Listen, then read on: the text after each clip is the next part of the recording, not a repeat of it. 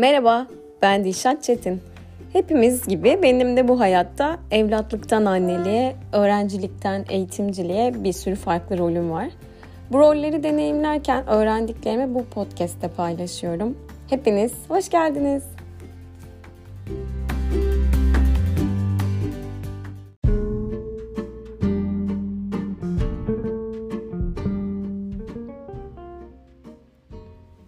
Tanrılar benim bu bölümü kaydetmemi istemiyor ama ben her şeye direnerek yüzüncüye falan şu anda tekrar kaydetmeye çalışıyorum. Evet abarttım. 18. bölümde sessiz istifa konusuna değindik.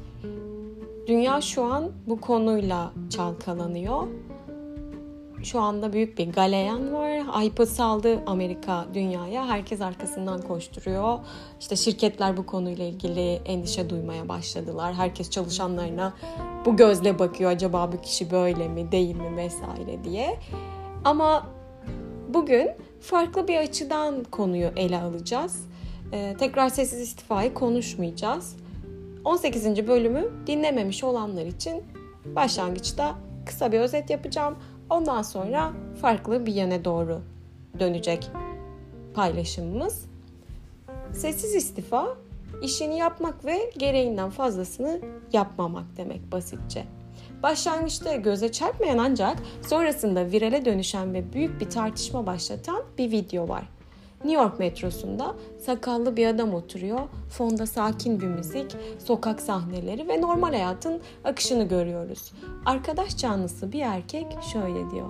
Yakın zamanda sessiz istifa terimini öğrendim. İşinizi bırakmıyorsunuz ama her zaman gereksinimleri aşma fikrine veda ediyorsunuz. Hala görevlerini yerine getiriyorsun ama artık işin senin hayatın olduğunu söyleyen bir zihniyete bağlı hissetmiyorsun. Bu doğru değil ve bir insan olarak değeriniz yaptığınız şeyle tanımlanmaz. Zahit Lepel'in kullanıcısının videosu birkaç milyon izlemeyle TikTok'ta yayıldıktan sonra sessiz istifa terimi sosyal ağlarda kendisine bir isim yaptı.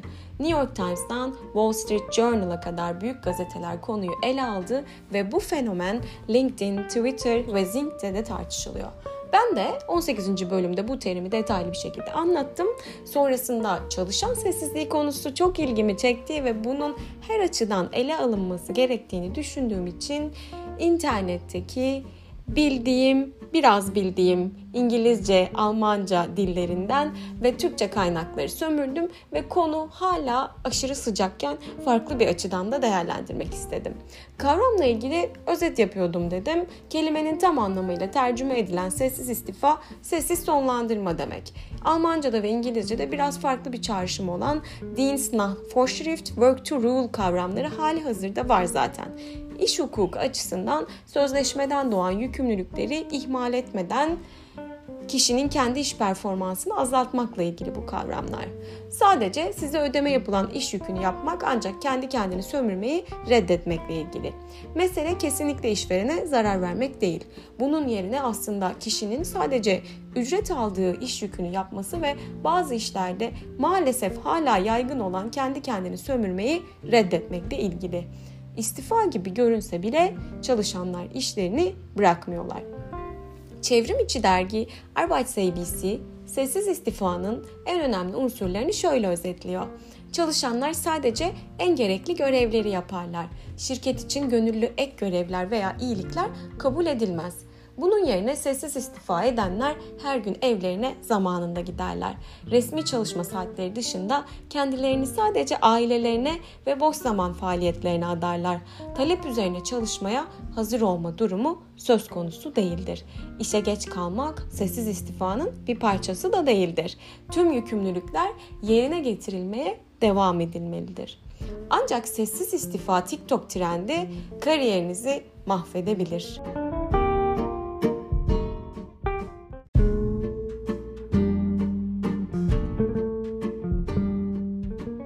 Zahit Lepel'in tarafından yayınlanan bu TikTok videosundan bu yana sessiz istifa hakkında bir galeyan var.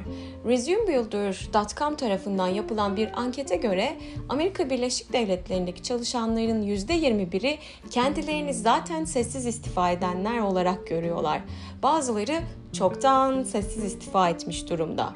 Yönetim danışmanı Johnny Carter, TikTok kanalı The HR Queen'de sessiz istifa ile işinizi riske atabileceğinizi açıklıyor. Arkanıza yaslanıp şunu söylerseniz kariyerinizi mahvedebilirsiniz diyor. Sadece asgarisini yapacağım. Siyahi yönetim danışmanına göre azınlıklar çalışma dünyasında zaten dezavantajlı durumda. İş yerinde ciddiye alınmak için ekstra sıkı çalışmak ve kendilerini kanıtlamak zorunda kalıyorlar.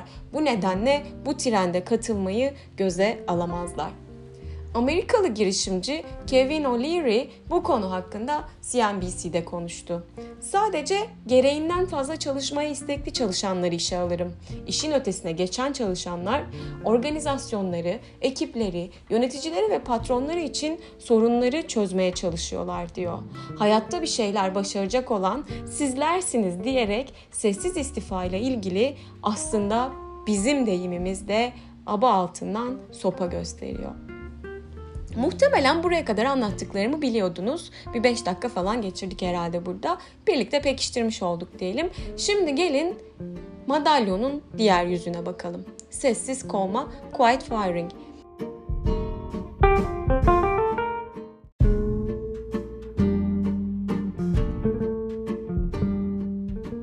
Sessiz kovma bir çalışanı iş yeri dışına doğru dürtme eylemi onlara daha az destek vermek ve vazgeçip ayrılacakları noktaya kadar onları ihmal etmek anlamına geliyor.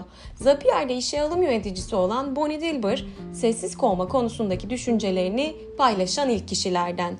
Bu bölümü yayınladığım anda 37.659 beğeni, 1223 yorum ve 2316 paylaşımla viral olan LinkedIn gönderisinde şirketler için harika çalışıyor diyor. Sonunda ya kendini yetersiz, izole ve takdir edilmemiş hissedeceksin ki gidip yeni bir iş bulacaksın ve asla bir kalkınma planıyla ya da kıdem tazminatıyla uğraşmak zorunda kalmayacaklar ya da desteğin olmaması nedeniyle performansın yeterince düşecek ve senin ayrılmana izin verecekler hatta teşvik edecekler.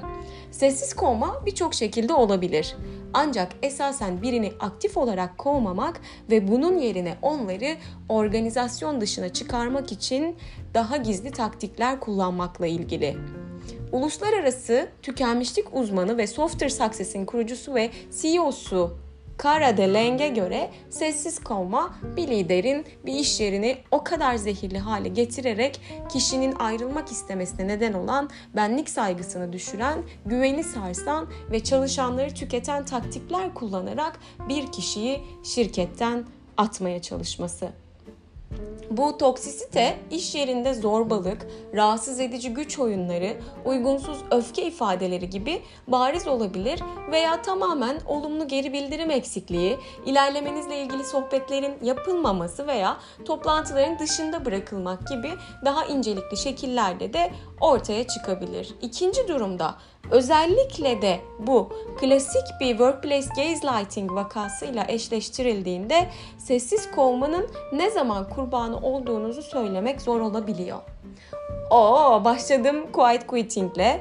Oradan Equal Rights Opportunities konusuna geçtim. Hop Quietifiering'e zıpladım. Şimdi nereden çıktı bu workplace gaslighting? Bir sürü böyle Amerikanca, İngilizce kelimeler.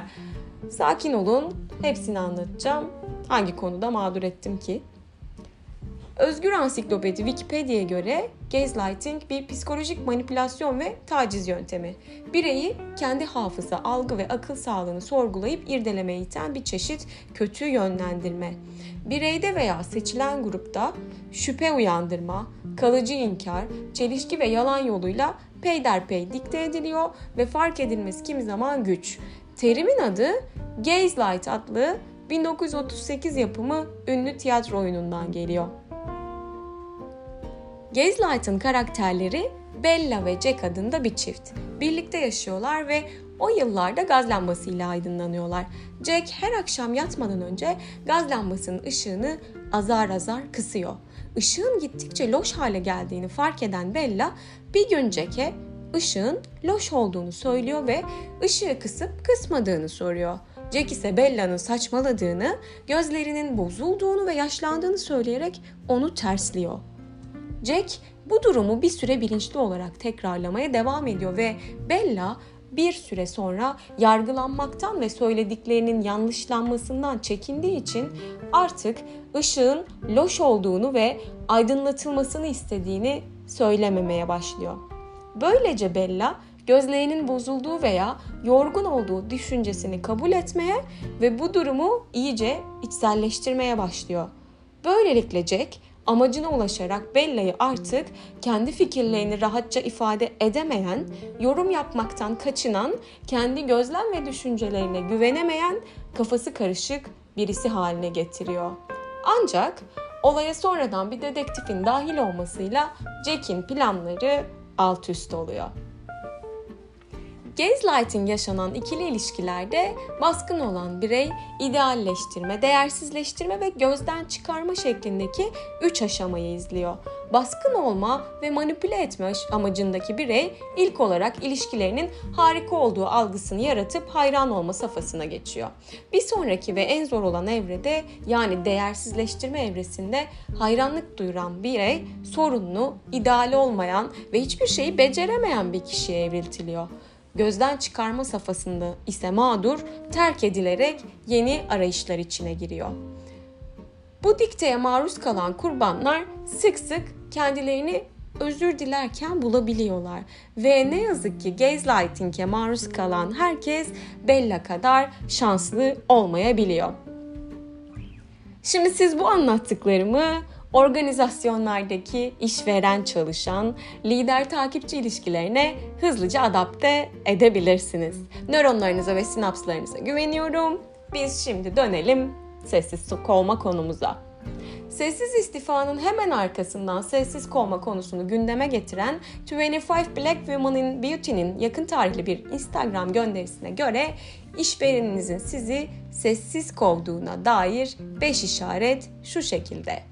Bir süredir işinizde zam almıyorsanız veya maaşınız şirket ortalamasının oldukça altındaysa, aynı görevde 3 yıldan fazla süredir çalışıyorsanız ve terfi konusu hiç gündeme gelmiyorsa, yöneticiniz sizinle görüşmeyi reddediyor veya sizinle olan görüşmeleri tekrar tekrar iptal ediyorsa, yaptığınız iş için önemli olan toplantılardan sıklıkla dışlanıyorsanız, patronunuz sizden açıkça şikayet ediyorsa veya diğer çalışanlarınıza sizin hakkınızda dedikodu yapıyorsa.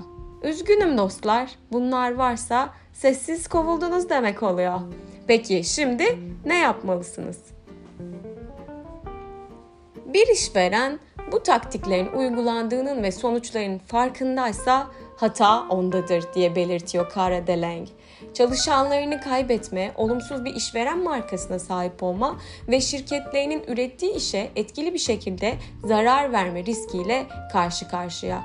Ancak yönetimin bu uygulamaların sizde yarattığı olumsuz etkiyi fark etmediği, hatta bunları yaptığını fark etmediği durumlarda olabilir. İşte bu durumda yapabilecekleriniz var.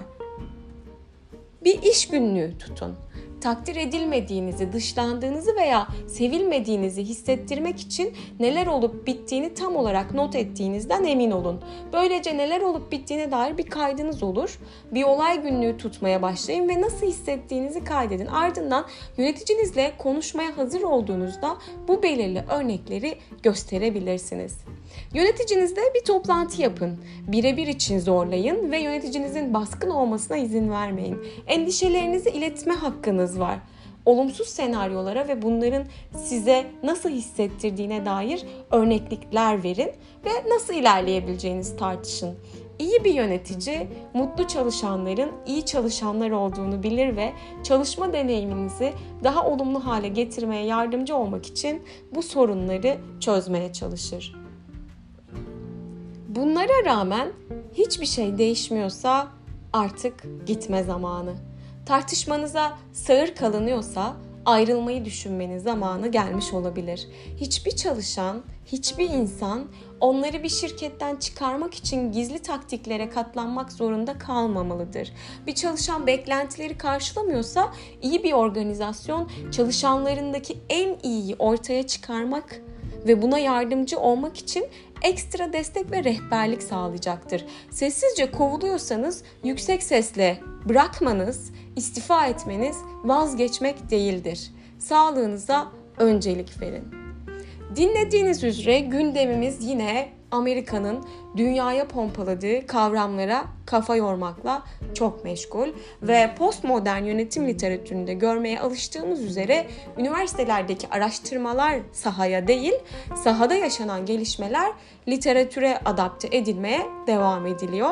Ama bunların hiçbiri yeni kavramlar değil, farklı isimlerle, farklı içeriklerle yaşanmış olaylar. Yine sahadaki tecrübeli iş insanları tarafından işverenlere tavsiye edilen şey şu. Sessiz istifa konusunda endişelenmek yerine çalışanlarınızı acaba bu sessiz istifa mı ediyor diye kategorize etmek yerine yönetim uygulamalarınıza bakın ve çalışanlarınızın takımlarını desteklemeyen, eğitmeyen, koçluk etmeyen liderler tarafından sessiz kovuldukları yerleri tanımlayın. Çünkü konu bir takıma liderlik etmek ve bir işi yönetmek olduğunda sessiz kovma kabul edilemez. Evet, kayıt yapmayı başardık. Dinlediğiniz ve ikinci baskıyı Wiser'da ve Utah'da meşhur ettiğiniz için çok teşekkürler.